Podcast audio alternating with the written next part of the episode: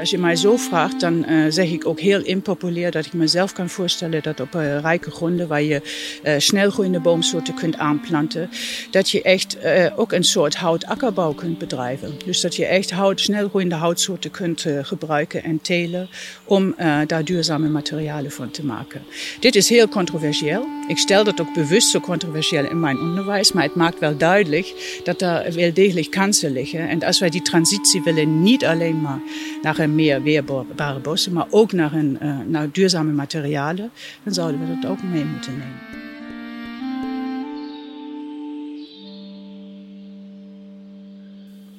Je luistert naar de podcast Bomen over Bos. Een serie gesprekken van Sander Kooistra en Jan Westerhof. We onderzoeken hoe het gaat met onze bossen. Hoe doorstaan de bossen de verandering van het klimaat? En we stellen de vraag of de bossen ons mensen kunnen helpen bij de klimaatverandering. Sander en ik zijn voor aflevering 3 van Bomen over Bos afgereisd naar landgoed Schovenhorst bij Putten op de Veluwe. Sander, we zijn aangekomen op landgoed Schovenhorst bij Putten. We gaan praten met een Wageningse onderzoeker. Ja, zeker met uh, Oete Sas Klaassen. Ze is uh, al jarenlang uh, onderzoekster bij, in Wageningen. dendrologe is ze. weet alles van jaarringen en hoe bomen zich ontwikkelen. En ze is bovendien de nieuwe lector duurzaam bosbeheer bij de belangrijkste bosbouwschool in Nederland, Larenstein. in Velp, van Hal Larenstein heet dat officieel. Ehm, ik ben heel benieuwd wat voor verhaal ze heeft. Want ze boort gaten in bomen. En dan kan ze de jaarringen kan ze dan uh, bekijken. En dan kan ze iets zeggen over wat er met die geschiedenis van die boom is gebeurd. Wat de klimaatinvloeden zijn geweest op de ontwikkeling van die boom. En onze vraag gaat dan heel erg ook over: kun je dan ook daar voor de toekomst wat mee? Ja, precies. Want uh, welke boomsoorten zijn dan het best opgewassen tegen de nieuwe klimaatomstandigheden? Dat is eigenlijk uh, haar, haar voornaamste onderzoek.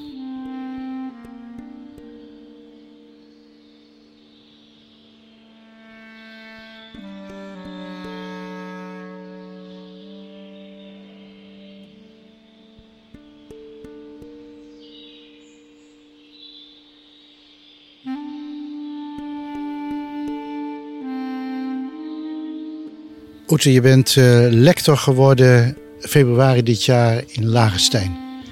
Wat ga je daar doen? Um, nou, wat ga ik niet doen op het uh, onderzoeksvlak? Nou, mijn, uh, mijn opdracht als lector is om uh, dat toegepaste onderzoek meer vorm te geven in de hogeschool. Dat betekent dat men denkt, en ik ben daar natuurlijk helemaal van overtuigd dat het heel belangrijk is, dat wij moeten anticiperen aan de hogeschool met onderzoek te doen, met die praktijk aan actuele onderwerpen. Nou ja, ik hoef niet lang te zeggen van welke, over welke onderwerpen het gaat. Het is natuurlijk anticiperen op die grote problemen die wij hebben, klimaatsverandering Bossen spelen hier een hele belangrijke rol. Dus mijn opdracht is het en mijn missie is het om uh, meer onderzoek te doen aan de hogeschool hierover. In samenwerking met de praktijk om het onderwijs te verrijken. Dus ook om studenten meer te informeren over wat gebeurt hier eigenlijk. Hoe kunnen wij het aanpakken. Want uh, die studenten die bij ons bos- en natuurbeheer studeren. En diejenigen zeker die bos in het bosbeheer gaan of in die advisering gaan. Die hebben deze kennis nodig. Vroeger heette dat Bosbouw Hogeschool. Wat is er veranderd? Um, allereerst die naam van die opleiding is natuurlijk ook veranderd. En uh, dus vroeger was die opleiding bosbouw, nu is het bos- en natuurbeheer. En dat klinkt toch al uh, heel wat uh, beter, vind ik. Bosbouw, als mensen dat horen en ook als ik dat hoor, dat suggereert heel erg um, aanplan van bomen voor productie alleen. En dat was natuurlijk in het begin zo, toen hier heel veel grove bossen aangelegd zijn op de, op de heidelandschappen. Dat was echt productie, houtproductie was echt een issue. inmiddels weten wij dat wij een, een intact intact en divers ecosysteem nodig hebben om uh, klimaatverandering te traceren. Dus dat uh, bos heeft heel veel verschillende functies. Uh, houtproductie is maar één functie daarvan. Ik vind dat waar het kan een belangrijke functie, want hout is een belangrijk hernieuwbaar materiaal. Maar die natuurfunctie is ook super belangrijk. Maar je kunt geen productieve bos hebben als je niet tegelijkertijd ook een goed functionerend bos hebt. in, dit, in deze tijd is onze ambitie om echt bossen diverser te maken. Nou, wij zien hier ook al dat het, uh, dat het gebeurt. Vroeger was dus een groot deel ook van die bossen hier op Schrovenhorst was monocultuur. Ook van die snelgroeiende uh, Douglas-soorten. Als jullie nu hier rondkijken, hier staan heel veel andere boomsoorten daartussen.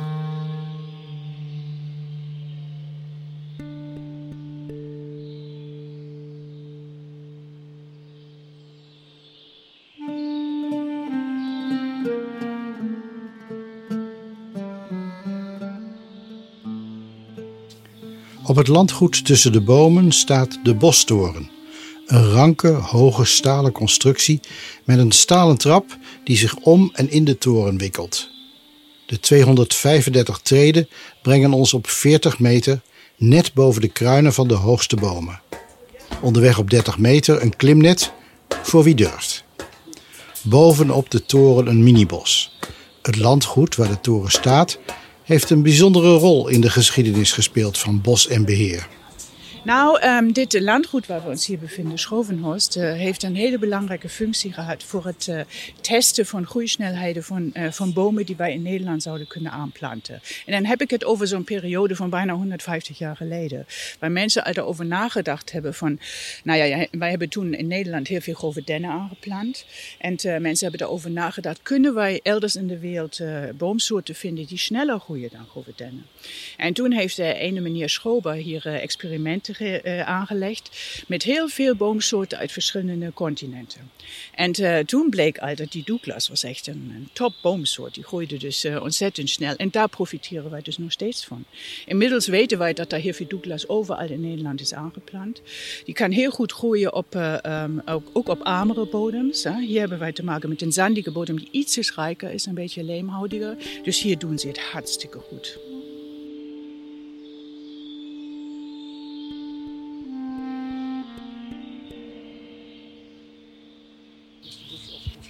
Vrij te zetten. Hij, hij, groeit zelf zo hard dat hij, hij blijft tegen die beuken opgroeien. Zeg maar. Ja, ik denk dat die al uh, heel oud zijn. Wat denken jullie hoe oud die beuken zijn? Ja. 150 jaar? Ja, 170 al, ja. ja. Dus uh, ik, ik, was verbaasd dat die uh, zo oud waren. Want we kunnen jaringen natuurlijk ook gebruiken om gewoon te tellen van hoeveel jaringen heeft die boom gemaakt. En het geeft een indicatie wanneer die bomen geplant zijn. Dus die is echt in het begin, toen het landgoed is aangelegd, zijn die al heel snel geplant hier. Wij, hebben hier, um, wij, wij, doen hier speciaal onderzoek. Wij doen hier meerdere onderzoeksprojecten op Schrovenhorst. Uh, vind ik heel fijn dat we dat mogen van de beheerders en ook ondersteund worden van de beheerders daarin. Een onderzoek wat we in 2018 hebben opgestart heel goed getimed. Uh, want 2018 is natuurlijk een van die droogtejaren geweest. Uh, afgelopen decennia. En wij waren op zoek naar een, een, standplaats waarin wij bomen kunnen monitoren. De groei van de bomen kunnen, kunnen monitoren.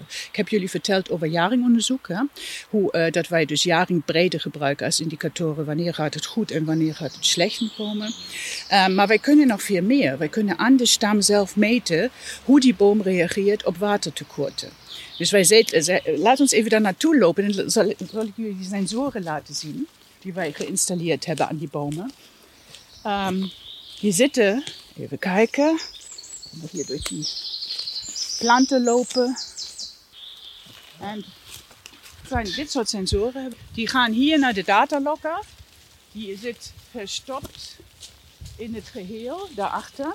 En het ziet er niet heel professioneel uit, maar hierachter verbergt zich heel veel technologie. Dus, dus een kastje, hè, ja, ja. onder zie je al die kabels die van die zes bomen komen die, hier, eh, die we hier verkaveld hebben. En uh, die die meetgegevens die wij meten met die meetapparatuur, die ik zo meteen zal uitleggen, uh, verzameld worden. En die, uh, die gaan we downloaden eens in de zoveel tijd.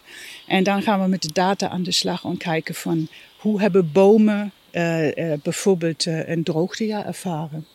Uh, trouwens, dit is een onderzoeksproject wat we samen doen met onze collega's uit België, van de Universiteit van Gent. Dat is ook hun apparatuur, die mogen wij hier neerzetten en wij mogen die studie met hen doen. Um, die data die hier uh, verzameld wordt, die gaat dus weer het netwerk, zodat iedereen online kan volgen wat uh, deze boom doet. En wat doet hij nu? Wat, meten wij dan nu? Nou, wat jullie hier zien zijn twee verschillende equipments die belangrijk zijn. dat is een dendrometer, hij zit op de stam. En die meet die stambewegingen van deze boom. En dan hebben we sepflowmeters, dat zit hier achter, die meten die waterstroming in de boom. Het is een sensor die zit uh, op bepaalde diepte, daar waar die boom water transporteert en daar meet die, uh, die waterstroming. Ja, en dat rekenen onze collega's en modellen dan om aan uh, hoeveel water die boom verdampt. De dendrometer die meet dus die stambeweging van die boom. En die, die beweging van zo'n stam, dat zien we natuurlijk niet van buiten, want het is minuscuul. Die wordt eens in de 15 minuten eh, wordt die gemeten en opgeslagen. En uh, die zegt iets over het uh, dagelijkse ritme van zo'n boom, bijvoorbeeld om, om water op te nemen en weer te verdampen. Nou, wat er gebeurt, vroeg in de ochtend, wordt die boom wakker zo te zeggen, dan begint die te transpireren. Um, als die boom water verliest uit de stam, dan begint die stam als het ware een beetje te krimpen. En uh, dan, uh, in, dan, begint, dan stopt hij weer als het heel erg heet is, bijvoorbeeld in uh, midden van de dag. En dan in de, in de avond, in de nacht, neemt hij weer water op en dan zet die stam weer uit. Wij noemen dat ook de hartslag van de boom. Dus die ritmische beweging van elke dag die die boom uitvoert. Wat gebeurt er nu als het heel erg droog is? Um, dus als het heel erg droog wordt en de, die, uh, na een aantal uh, weken is dat soms pas, als die, bodem, het bodemwater is opgebruikt, dus daar geen water meer in de bodem zit wat die boom kan opnemen om weer uit te zetten in de nacht, dan blijft dus die, die stam in een gekrimpte toestand, zo te zeggen. En dat is voor ons een alarmsignaal dat die boom echt onder stress is. En je kunt je voorstellen, wij zien hier die bladeren eh, lekker groen. Uh, maar in 2018 uh, was ik hier ook in de zomer toen het zo heet was. En waren die bladeren ook nog heel erg groen. Dus je ziet eigenlijk uh, niet aan de bladeren of die boom wel of niet onder stress is. En pas als het heel erg wordt, als die bladeren afgeworpen worden of geel worden, kun je zeggen die boom is onder stress. Maar met deze apparatuur kunnen wij dus meten in echt tijd wanneer hier iets in die fysiologie van de boom gebeurt. En dat is de grote, het grote voordeel van deze sensoren. En hoe lang verdraagt een boom stress? Is, kun je dat ook, ook iets over zeggen? Ja, nou ja, bomen zijn natuurlijk uh, slimmer dan wij denken. Dus uh, die, uh, die kunnen dat eigenlijk, die kunnen daar best goed tegen. Wat hier in 2018 gebeurde met deze beuken hier, was bijvoorbeeld dat die echt een aantal weken gestopt zijn met groeien. En uh, dat ze en op het moment, uh, uh, en dan heb ik het echt over, ze zijn gestopt in mid-juni misschien. En juni en juli en begin augustus amper gegroeid. En dan was dat de dag, 10 of 11 augustus was het volgens mij hier, waar de, regen, de eerste regen weer viel. En dan zag je dat die boom meteen reageerde, nam meteen water weer op. En een aantal dagen later is die ook weer begonnen met groeien. Ja. Dit, dit is een beuk. Um, een van de aanleidingen voor eh, de zoektocht die Sander en ik doen, is dat we hoorden over beukelanen die gesloopt worden. En ik heb zelfs een spreekbeurt gevolgd waarin gezegd werd, nou, over 50 jaar hebben we geen beukenbossen meer. Wat gebeurt er dan als zo'n beuk, is dat dan, gaat hij dan toch kapot aan de stress, zoals je dat nu waarneemt, of is er dan iets anders aan de hand? Ja, een beukenlaan is natuurlijk ook best extreem. Hè? Die, die beuken zijn vaak geëxponeerd hè, als laan. Als ze in een bosafstand uh, staan, uh, met een, vaak met een weg nog erbij en zo.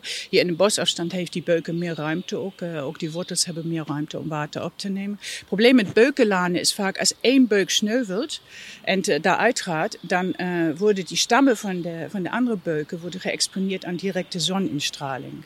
Een beuk die heeft een hele dunne bast. Dus die is heel gevoelig voor zonnebrand. En uh, wat je vaak ziet is dat, één of twee, als er één of twee bomen sneuvelen, dat is zo'n soort uh, domino-effect, dat die andere bomen die nog blijven, dat die verbranden en hele zware verwondingen krijgen, infecties krijgen en dan ook sneuvelen. En dan wordt vaak zo'n hele um, laan moet dan ontmanteld worden en opnieuw aangelegd. Dus als ik jou goed begrijp, dan zijn beuken die zo in een bos staan, zoals hier, die zijn eigenlijk veiliger dan de beuken in zo'n beukenlaan. Ik denk dat het globaal geldt. Bomen die um, geëxponeerd zijn op die een of andere manier. En dat kan ook zijn in een hangligging. Als je een zuidhang hebt ergens en, te, en je hebt geen, uh, geen diepe grond, zeg maar, dat die echt heel oppervlakkig wortelen, zijn die zeker gevoeliger dan een beuk die met andere boomsoorten samen in een, in een bos staat en, en niet zo sterk geëxponeerd is. Dus het is heel erg belangrijk om aan de, over de context te hebben. Maar in totaal, als je aan beuken denkt, beuken is uit mijn zicht met die jaring ook een drama queen. Die reageert echt heel erg spontaan op uh, slechte jaren. Dus die jaringbrede die gaat echt naar beneden. In 2018 schiet die naar beneden. En, uh, maar die beuken herstellen ook weer daarna. Bij de eik is het heel anders. Die gaat veel geleidelijker. Die, is, die is dus niet zo, um, zo extreem bezig. En zoals ik net ook schetste um, met 2018 wat er gebeurde met die regenval weer. Dus die beuken die, maakt, die sluit gewoon stop met gooien in juni, omdat er niet voldoende water is. En, uh, maar begint dan ook meteen weer als water beschikbaar is. Hoe maak je nou de slag naar uh, voorspellen? Of misschien moet ik het woord voorspellen niet meer gebruiken, maar analyse maken van wat we in de toekomst moeten doen in het bos.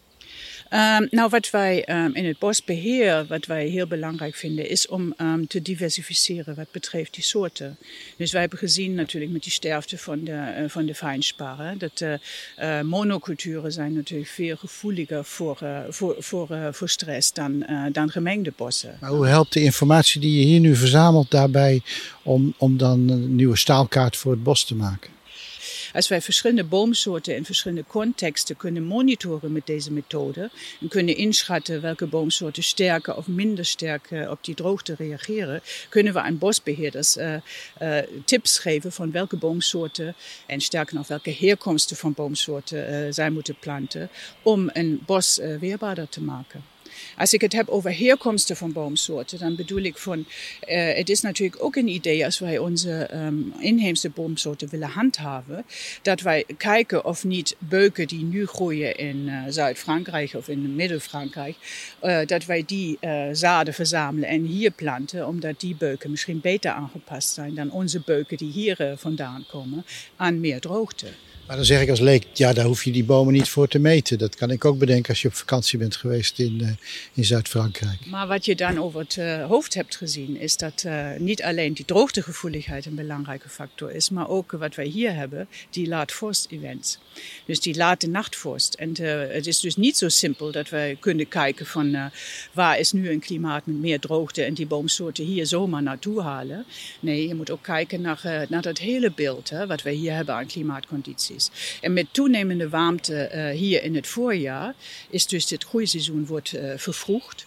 Maar stel dat dan een, een vorstevent komt, s'nachts, en dat komt regelmatig voor dat we in april en zelfs begin mei nog hele lage temperaturen hebben, dan kunnen zulke soorten het ook makkelijk begeven. Dus het is heel belangrijk om breder te kijken en om veel te monitoren en om te kijken van wat doet het wel goed en wat niet.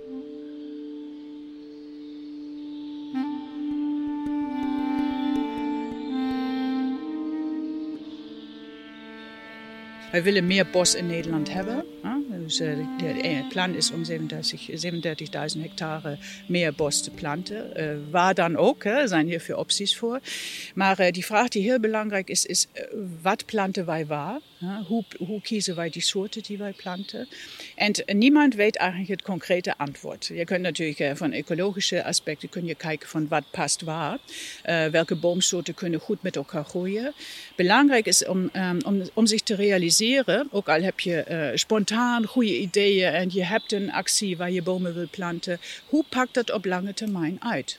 Ja, want uh, bos aanleggen is altijd iets van de lange termijn. Maar als we het niet weten, moeten we dan pas op de plaats maken en even wachten tot we dat inzicht wel hebben? Ja, we zijn druk bezig natuurlijk om meer inzicht te creëren nu. Er zijn heel veel proeven gaande, ook met uh, die boomsoorten die wij net be, uh, zeg maar besproken hebben, met uh, droogte, die, die minder droogtegevoelig zijn. Hoe presteren die hier in, in Nederland? Dat zijn exotische soorten, zijn die herkomsten die ik net noemde van, van onze inheemse soorten die het misschien beter doen. volop proefjes nu gaande, waarin bomen met elkaar geplant worden en gemonitord worden, zodat we echt binnenkort veel meer hierover weten. Dat is binnenkort. Hoe Wanneer weten we dat? Ja, dat uh, duurt zeker een jaar of twintig, denk ik, 10 tot 20 jaar. Maar uh, er is wel veel kennis ecologisch aanwezig die uh, voorkomt dat je echt gekke dingen doet. zeker in het bos. In stedelijke omgeving is het misschien nog iets anders, want daar zijn we natuurlijk gewend om in parken allerlei soorten te combineren en aan te planten. maar dat is, ik heb het hier over bossen en daar is het wel belangrijk om daarover na te denken wat waar te planten. Simon Klinger die zei daarover van gelukkig hebben we een heel divers bos in Nederland. Want we hebben ook heel veel verschillende eigenaren. Je hebt niet zoals in Duitsland enorme vlaktes met één boom. Je hebt allemaal kleine postzegeltjes eigenlijk naast elkaar. Misschien is dat eigenlijk wel een voordeel. Ja, als je dat zo uh, stelt, wel. Ja? Dat er verschillende strategieën zijn hoe zo'n boom ook in te richten, zo'n bos in te richten om die uh, weerbaarder te maken. Is dat zeker een goed idee. Maar wat ik ook belangrijk vind, is om die ervaring die er al is en die kennis die er al is, om die goed te gebruiken, om goed gemotiveerde beslissingen met het lange termijn perspectief te nemen. Het klinkt alsof je zegt dat het niet altijd gebeurt. Ja, ik heb het idee dat het niet altijd gebeurt. En uh, ja, daar, zijn natuurlijk heel veel initiatieven. En ik, ik, ik, je hoort heel vaak dat mensen zeggen, elke boom erbij is goed. Dat onderschrijf ik ook, natuurlijk. Hoe meer bomen wij hebben, des te beter. Maar mijn ambitie zou zijn ook op lange termijn in, in, ja, echt daarvoor te zorgen dat we betere bossen krijgen. En dat, wij ook, dat, die, dat die bomen die geplant worden ook een kans maken op lange termijn een betekenis te hebben. Dus ook voor goede bodemopbouw bijvoorbeeld verantwoordelijk zijn in de bossen. Hè. Dus uh, wij proberen ook uh, boomsoorten te planten die bodem die echt heel slecht is in Nederland, ook door die stikstofdepositie, om die weer op te krikken en weerbaarder te maken. En uh, dus dat is heel belangrijk. Het is dus niet triviaal en heel veel goed bedoelde acties, die zouden eigenlijk beter ja, ge, ge, aangestuurd moeten worden door mensen die daar meer verstand van zaken. Als je dat zegt van die, die soorten die dan beter strooisel geven, wat voor soort bomen moet ik dan aan denken? Nou ja, al vooraan wordt altijd uh, die linde genoemd natuurlijk. Hè, die, het, uh, die, die bladen uh, produceert die heel nutriëntenrijk zijn. Maar daar moet je natuurlijk ook kijken, waar doet die linde het überhaupt? En met welke andere boomsoorten moet je die planten, om maar één voorbeeld te noemen. En dus het is niet zomaar kiezen uit een factsheet of uit een list van bomen. Je moet echt kijken, waar wil je planten? Wat is die situatie daar? Wat is die structuur die je daar al hebt? Heel belangrijk. Dus niet eerst een stukje bos kappen en dan opnieuw beginnen, maar echt gebruiken wat je al hebt staan, hè, om ook die uh, verjonging te beschermen. Als je dat zo zegt, dan, dan ga je denken van we hebben dus bosbeheerders nodig die, die zo'n soort toekomstgerichte strategie ook uh, waar kunnen maken.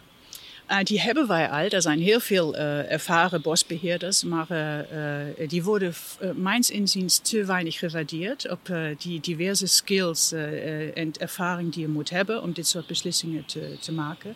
Dus ik vind absoluut dat die een sterke rol moeten spelen, ook in, in beslissing maken van hoe, um, hoe je iets aanpakt, hoe zo'n project aanpakt.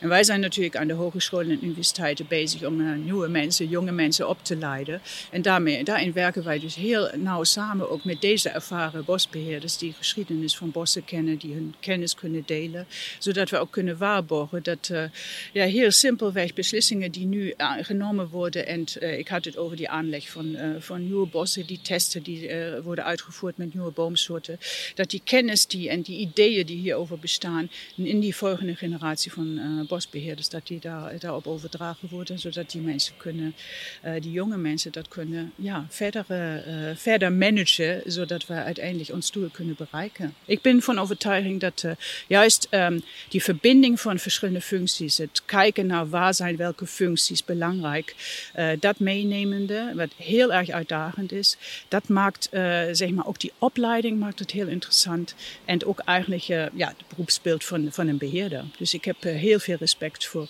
voor mensen die met ervaring een bos beheren en vooral met die lange termijnvisie. En dat ontbreekt eigenlijk in heel veel processen, um, in heel veel planning wat wij doen in, in deze maatschappij, die lange termijnvisie. Begrijp ik dat je zegt van er wordt eigenlijk uh, nu te veel naar de natuurfunctie gekeken en te weinig naar bijvoorbeeld de productiefunctie, dat er dus ook hout uit het bos wordt gehaald? Um, en niet, uh, ja, er wordt te weinig gekeken naar uh, alle functies samen. En die afweging die, die wij kunnen maken tussen die verschillende functies, wat heel veel implicaties voor beheer heeft. En wat steeds verandering onderheven is, want wij weten niet hoe klimaatsverandering uitpakt. Dus we moeten ook anticiperen op wat daar gebeurt en wat niet voorspelbaar is op het moment. wij doen heel herstel natuurlijk op dit moment, wat ook belangrijk is, weer die bodemherstel. Dus dat is super uitdagend. Ja, ik bedoel dus dat, dat je echt heel goed en zeker in, in, met, met, in, in, in, uh, met kennis en met uh, vaardigheden moet opereren om hier uh, goed Is productie onderbelicht in dat hele, hele spectrum? Ja, ik denk dat er heel veel focus is op natuur. heel veel interesse is in natuur. Maar ik denk dat, dat je focus ook een beetje op die andere functies, met name ook op productiefunctie, moet liggen. Ook al levert het Nederlandse bos in dat opzicht niet zoveel op. Uh, nou, het kan meer opleveren. En zeker als je denkt aan aanleg van nieuwe bossen, dan zou dat zeker ook mee moeten spelen um, bij de aanleg van nieuwe bossen. Ik denk dat wij uh, echt daarover na moeten denken hoe wij uh, energieverslindende materialen en echt niet duurzame materialen kunnen vervangen door een heel mooi hernieuwbaar product. En dat is hout. En dat kun je, ik ben ervan overtuigd, dat kun je op een duurzame manier produceren. Zouden we landbouwgrond daarvoor moeten gaan gebruiken? Um, die druk op land in Nederland is natuurlijk ontzettend groot. Als je denkt naar nou, behoefte voor uh, infrastructuur enzovoort. Maar ik denk dat het een optie is, ja. Als je mij zo vraagt, dan uh, zeg ik ook heel impopulair dat ik mezelf kan voorstellen dat op uh, rijke gronden waar je snelgroeiende boomsoorten kunt aanplanten, dat je echt ook een soort houtakkerbouw kunt bedrijven. Dus dat je echt hout, snelgroeiende houtsoorten kunt gebruiken en telen om daar duurzame materialen van te maken. Dit is heel controversieel. Ik stel dat ook bewust zo controversieel in mijn onderwijs, maar maakt wel duidelijk dat er wel degelijk kansen liggen. En als wij die transitie willen, niet alleen maar naar een meer weerbare bossen, maar ook naar, een, uh, naar duurzame materialen, dan zouden we dat ook mee moeten nemen.